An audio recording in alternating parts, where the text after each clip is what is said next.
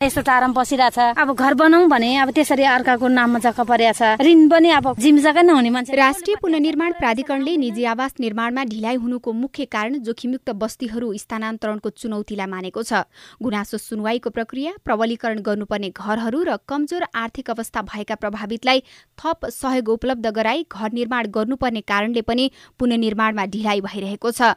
प्राधिकरणका सहप्रवक्ता मनोहर घिमिरे। अघिल्लो वर्ष हामीले एक चरणको सम्पन्न गऱ्यौँ र अहिले फेरि हामीले छुट तथा पुनर्निर्माण सर्वेक्षण भनेर हामीले एक लाख सतहत्तर हजार सर्वेक्षण गरेका छौँ। त्यसबाट लाभदायी पहिचान गरेर उहाँहरूलाई अनुदान सम्झौता गराउने र रकम दिने र घर बनाउने कुरा हाम्रो लागि अहिले सबैभन्दा चुनौतीपूर्ण रहेको छ र यसमा हामीले अपेक्षा गऱ्यो भन्दा धेरै गुनासोहरू भयो। यसमा अब हामीले स्थानीय तहलाई बढी जिम्मेवार भएर जो साँच्चीकै पीडित व्यक्तिहरू उसको मात्रै सिफारिस गरिदिने र सर्वेक्षण गराउने भनेर अनुरोध गरेका थियौँ। तर कतै कतै हामी त्यसमा अलिकति रहन सकेनौँ कि जस्तो अवस्था देखिएको छ। निजी आवास पुनर्निर्माणको मुख्य जिम्मेवारी स्थानीय तहलाई छ तर गुनासो सुनवाई र प्रबलीकरण गर्नुपर्ने घरहरूका विषयमा स्थानीय सरकारको पर्याप्त सहयोग नपाएको प्राधिकरणको भनाइ छ।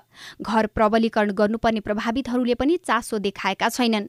स्थानीय सरकारले पनि उनीहरूलाई उत्प्रेरित गर्न सकेको छैन। फेरि उपसचिव घिमिरे। रेट्रोफिटिङमा पनि तपाईँको पीडितहरू त्यति उत्साहित नभइरहेको स्थानीय तहका पदाधिकारीज्यूहरू स्वयंले पनि त्यसलाई त्यति उत्प्रेरित नगरिरहनु भएको र बुझाउनमा पनि अलिकति कमी भइरहेको अवस्था हामीले पाएका छौँ। तर स्थानीय सरकार भने पुनर्निर्माणमा हालको प्रगति स्थानीय तहको सक्रियताकै कारण भएको दावी गर्छ।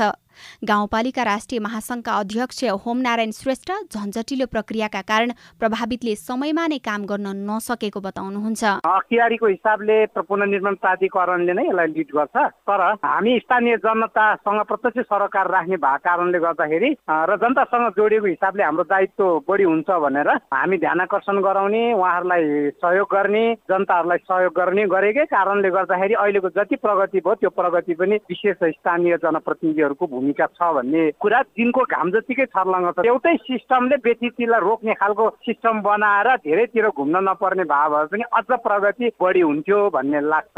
प्राधिकरणका अनुसार छ लाख भन्दा बढी प्रभावितले दोस्रो किस्ताको रकम लिइसकेका छन्। गुनासो सुनवाई मार्फत थपिएका झण्डै एक लाख प्रभावितले पनि पहिलो किस्ताको रकम लिएर काम सुरु गरेका छन्। तर किस्ता लिनदेखि घर भूकम्प प्रतिरोधी भएको प्रमाणीकरण गर्नसम्म अपनाउनु पर्ने झन्झटिलो प्रक्रियाले निर्माणमा ढिलाइ भइरहेको प्रभावितहरू बताउँछन्। गीता चिमोरिया सिआइएन काठमाडौँ।